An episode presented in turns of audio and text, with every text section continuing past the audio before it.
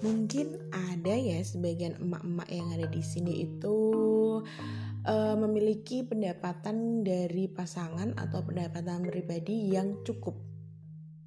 Artinya cukup itu mau beli apa-apa cukup, bukan berlebih cukup. Nah, kalau saya sebutkannya cukup itu berarti harus pinter-pinternya emak-emak sekalian manajemen yang namanya keuangan. Nah, buat kalian semuanya, emak-emak muda atau emak-emak yang sudah lanjut atau yang mau calon emak-emak, bagaimana sih kalau seumpamanya kita semuanya memiliki pendapatan yang dikatakan hanya cukup? Bukan berlebih ya, berlebih itu kita bisa membelikan uh, sesuatu tanpa harus melihat saldo. Kalau cukup itu berarti kalau kita mau beli kita harus menyesuaikan saldo. Itu yang membedakan cukup sama berlebih. Kalau kategori kurang tuh sebenarnya kurang ataupun enggak itu tergantung kita. Kalau kita menggunakannya dengan baik ya dikategorikan cukup gitu. Nah, gimana sih buat kalian semuanya, buat kita-kita semuanya as uh, dengan pendapatan yang cukup itu tadi kita bisa memanajemen keuangan dengan baik. Nah, ini buat kita yang selama ini uh, berpikir gimana ya kalau aku tuh dengan pendapatan seperti ini tuh aku bisa menjalankan uh, kehidupan selama satu bulan uh, semisal contoh satu juta itu satu bulan bagaimana ya? Atau 500 ribu uh, satu bulan bagaimana ya? Atau 2 juta satu bulan bagaimana ya? Ini tips sederhana sekali buat kita semuanya yang me manajemen keuangan keluarga atau kamu sebagai bendahara keluarga. Ada satu yang hal kamu harus uh, buat yaitu belanja bulanan dan belanja harian apa itu belanja bulanan dan belanja harian. Jadi, ketika kamu mendapatkan finansial atau dapat uang, kamu harus sisihkan dulu. Satu oh, uh, belanja bul oh ya sebelum menyisihkan belanja bulanan belanja harian kamu sisihkan juga untuk tabungan juga ya. Meskipun hanya 50 ribu 20 ribu 100 ribu kamu juga harus dan wajib nabung Oke, kita kira-kira adalah satu juta. Asal contoh, satu juta kita anggap saja 100 ribu itu masuk dana tabungan atau dana darurat kita masukin. Berarti masih tinggal 9, 900 ribu ya.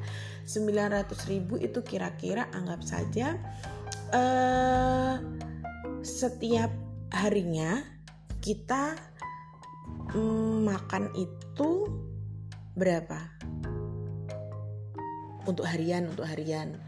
Untuk harian anggap saja beli lauk dan sesederhana mungkin ya keluarga baru ya kita anggap saja 20 ribu 20 ribu kali 3 berarti 600 ya kan? 600 ribu berarti 6 tambah 1 700 sisa 300 300 itu satu buat bayar listrik 200 nya itu buat baik kebutuhan bulanan kebutuhan bulanan itu seperti contohnya kita beli beras kita beli sabun cuci kita beli uh, gas kita beli air oke okay? oke okay. nah sekarang yang jadi permasalahan adalah uh, beli belanja bulanannya itu seperti apa? Nah, gini, belanja bulanannya itu sebisa mungkin supaya kita hemat, belanja bulanannya adalah ketika kalau air itu kan nggak ada diskon itu berarti full ya kan? Harga uh, air mineral anggap saja 17.500 yang bisa kita akali itu adalah belanja seperti minyak goreng atau sabun cuci atau keperluan-keperluan lainnya yang di Indomaret. Oke, Indomaret atau Alfamart ya atau di Swalayan. Kamu bisa uh, berhemat dengan cara kamu cari-cari celah-celah diskonnya. Biasanya kalau saya dulu awal-awal nikah, ini tips untuk ibu-ibu atau uh, emak-emak yang awal-awal nikah ya, belum punya keluarga ya. Uh, awal-awal menikah dulu atau tahun-tahun pertama menikah saya lihat dulu diskon-diskonnya itu pas hari apa.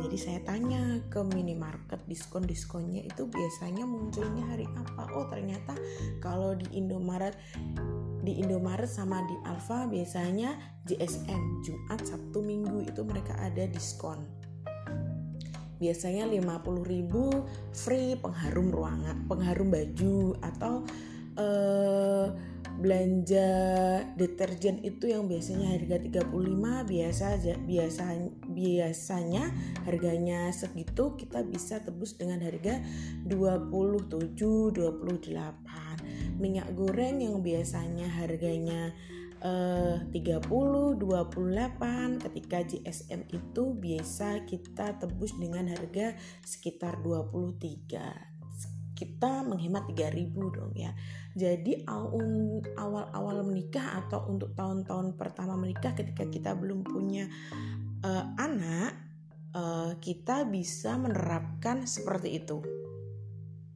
Anggap saja saya range-nya adalah satu juta tadi. Terus 20 ribu itu kita bisa makan apa? Oke, 20 ribu anggap saja saya mengira-ngira tadi 20 ribu kali 3, 600 ribu kan.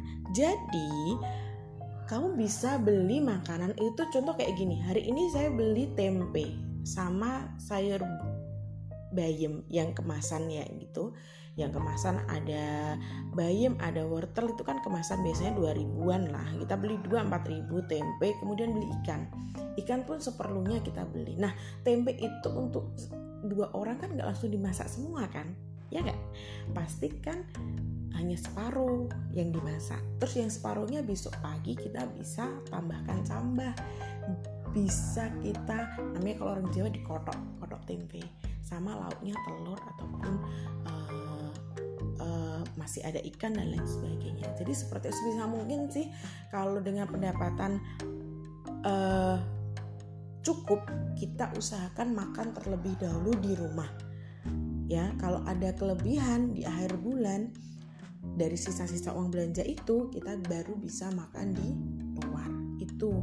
Atau kalau rencana hari ini nggak masak ya berarti kita ada makanan di luar. Atau kita buat acara hari ini makan di luar berarti hari ini tidak masak seperti itu. Nah untuk kalian yang sudah punya anak itu juga bisa kalian terapkan. Tapi dengan budget nggak satu juta dong ya ada tambahan. Kebutuhan-kebutuhan baby atau anak itu juga di minimarket atau di swalayan juga ada eh, tanggal-tanggal diskonnya. Biasanya kalau di salah satu swalayan itu tanggal satu itu biasanya ada diskon gede-gedean. Biasanya diskon gajian. Kalau dulu pengalaman saya ketika memiliki anak yang masih mengkonsumsi susu formula dan diapers saya itu selalu menyempatkan uh, survei tempat baik minimarket swalayan. Kalau tadi di dua minimarket itu GSM Jumat Sabtu Minggu diskonnya saya lihat di swalayan itu dia diskonnya tanggal berapa atau pas hari-hari apa. Saya tahu, saya cari tahu informasi itu. Sehingga ketika saya membeli kebutuhan-kebutuhan untuk anak saya karena satu bulan itu bisa saja 4 sampai 5 diapers atau 5 sampai 8 uh, kardus susu. Sehingga saya cari biasanya yang harganya diapers itu harganya 45, 50, 60 bisa harganya mungkin jadi 40 ribu 38 ribu. Kalau harganya 42 biasanya jadi 38 biasanya menyusutnya antara antara 3000 sampai 5000 itu. Sehingga saya cari informasi beberapa swalayan minimarket yang memang menjual eh, produk-produk yang berdiskonnya hari apa. Atau tips cantiknya lagi adalah saya cari tahu tempat grosir yang memang jualnya dengan harga grosir. Saya cari tahu itu. Uh, kalau sudah cari tahu saya jadi langganan. Setiap bulannya saya beli ini ya nanti dia kasih harganya diskon. Kalau dulu saya satu bulan itu bisa uh, menghemat antara minimal 50 ribu, maksimal bisa 100 sampai 150 ribu untuk ke, untuk keperluan anak saya. Sehingga uang dari hematan itu bisa kita belikan untuk kebutuhan anak yang lainnya seperti pengharum baju, pengharum eh, pakaian, kemudian sabun dan lain-lain sebagainya. Sehingga tidak menambah uang belanja dari pos anak itu itu buat semuanya calon-calon ibu muda ataupun ibu-ibu semuanya nggak ada salahnya kamu keluar masuk keluar masuk minimarket atau swalayan hanya untuk mencari diskon. Karena diskon itu bisa digunakan untuk kebutuhan-kebutuhan yang memang setiap hari kita lakukan. Itu tapi jangan sampai kita berburu diskon hanya kepentingan-kepentingan yang itu tidak kita selalu pakai. Contohnya kita mau berburu diskon yang sepatu, tas, baju kan itu bukan kebutuhan-kebutuhan pokok di rumah tangga. Kebutuhan pokok di rumah tangga ketika kita punya pasangan adalah kebutuhan dapur. Ya kalau kita punya anak berarti kebutuhan dapur dan kebutuhan anak. Itu baik semuanya buat bapak-bapak semuanya selamat bekerja dan semangat semoga rezekinya lancar dan gajinya pendapatannya bisa mencukupi semuanya. Alhamdulillah lebih ya ya kan? Seperti itu. Terima kasih dan kita ketemu di tips selanjutnya. Bye bye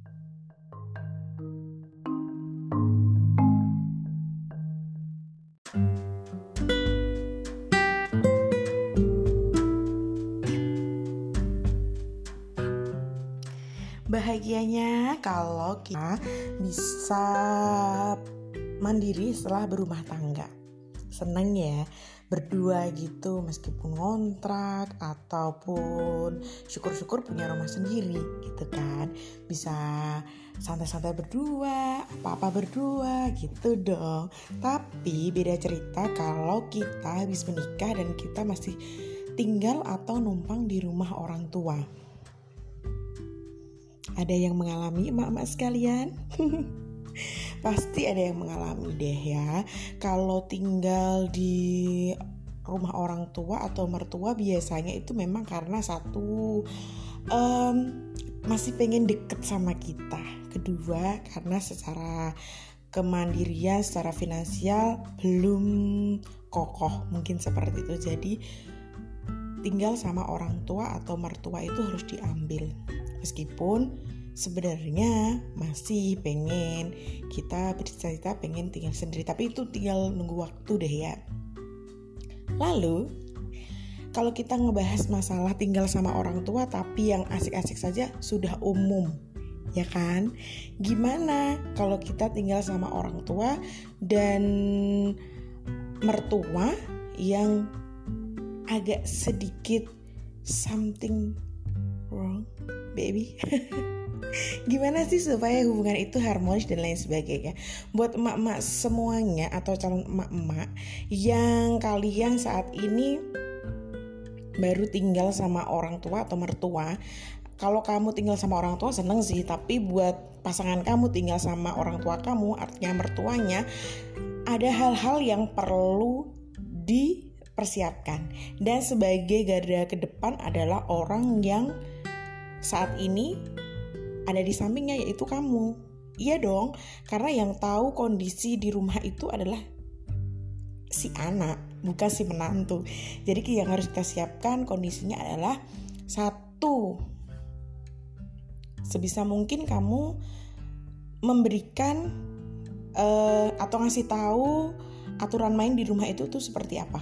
Jadi kalau di rumah Mu itu biasanya bangunnya jam berapa, tidur jam berapa, nonton TV jam berapa, biasanya sholatnya seperti apa? Kalau kamu beragama muslim, kalau non muslim mungkin biasanya itu uh, berangkat ke gerejanya jam berapa gitu. Bisa kamu kasih tahu aturan pertama itu.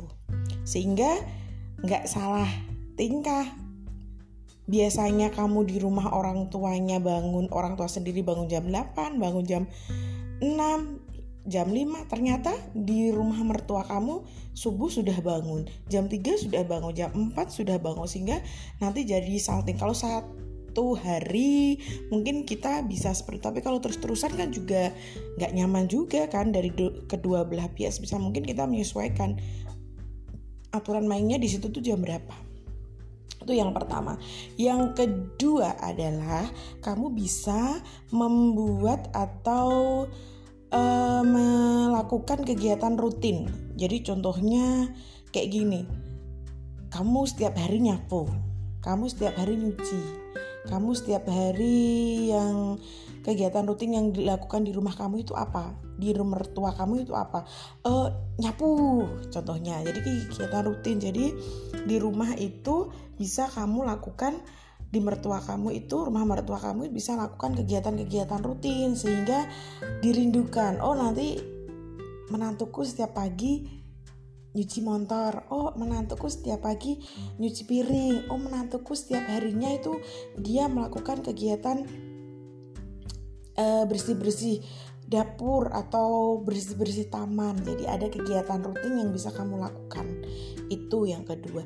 Yang ketiga adalah jadi kalau kamu itu tinggal sama mertuamu, sebisa mungkin adalah kamu juga ikut membantu dalam kegiatan di rumah. Contoh adalah buat kalian yang tinggal sama mertua, kan pastinya listrik juga ikut, air juga ikut, makan juga pastinya ikut. Jadi kamu ikut sumbang sih di dalamnya meskipun hanya ibaratnya tugas kamu nyumbangnya hanya air galon tapi kan kamu ikut menyumbang. Atau kamu setiap bulannya memberikan sabun cuci atau belanja dapur tapi kan kamu ikut gitu. Sehingga kegiatan di dalam rumah itu berjalan dengan baik.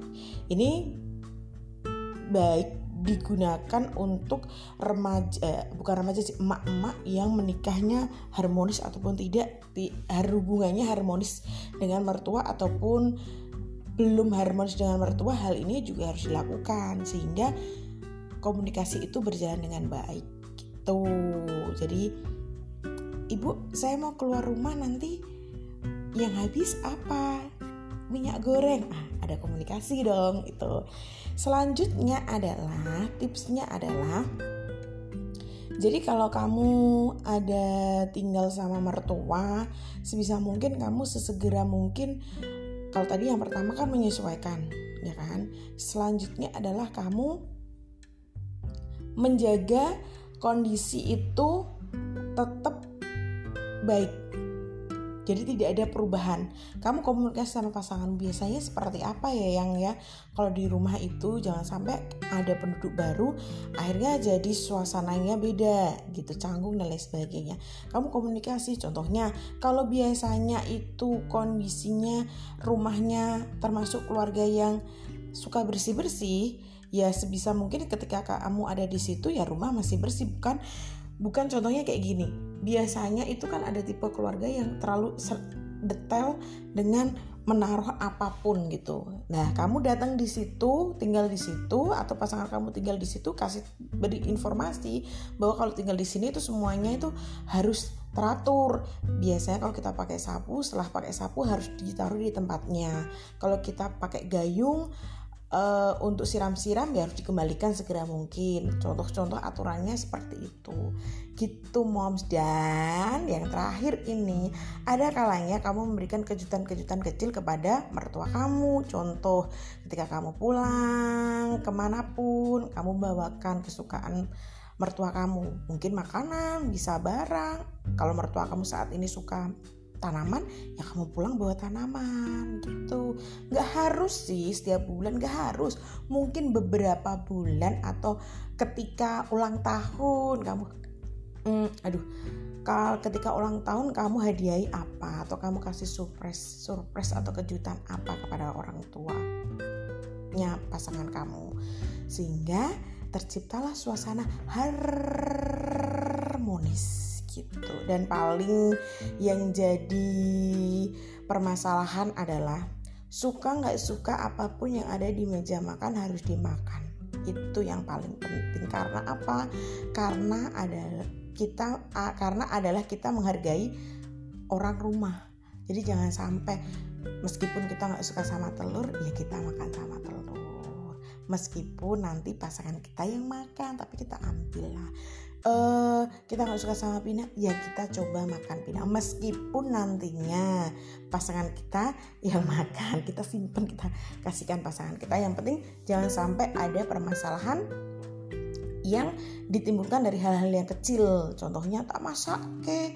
Orang gelem nah jangan sampai ada hal seperti itu. Dan yang paling mujarab sih tadi sih kita ngasih kejutan-kejutan kepada penduduk rumah. gitu kita tiba-tiba ngasih oh mertua kita suka pakai daster. Kita kasih daster ketika kita punya uang lebih gitu. Ya selamat mencoba untuk kalian semuanya yang saat ini masih tinggal sama mertua kamu.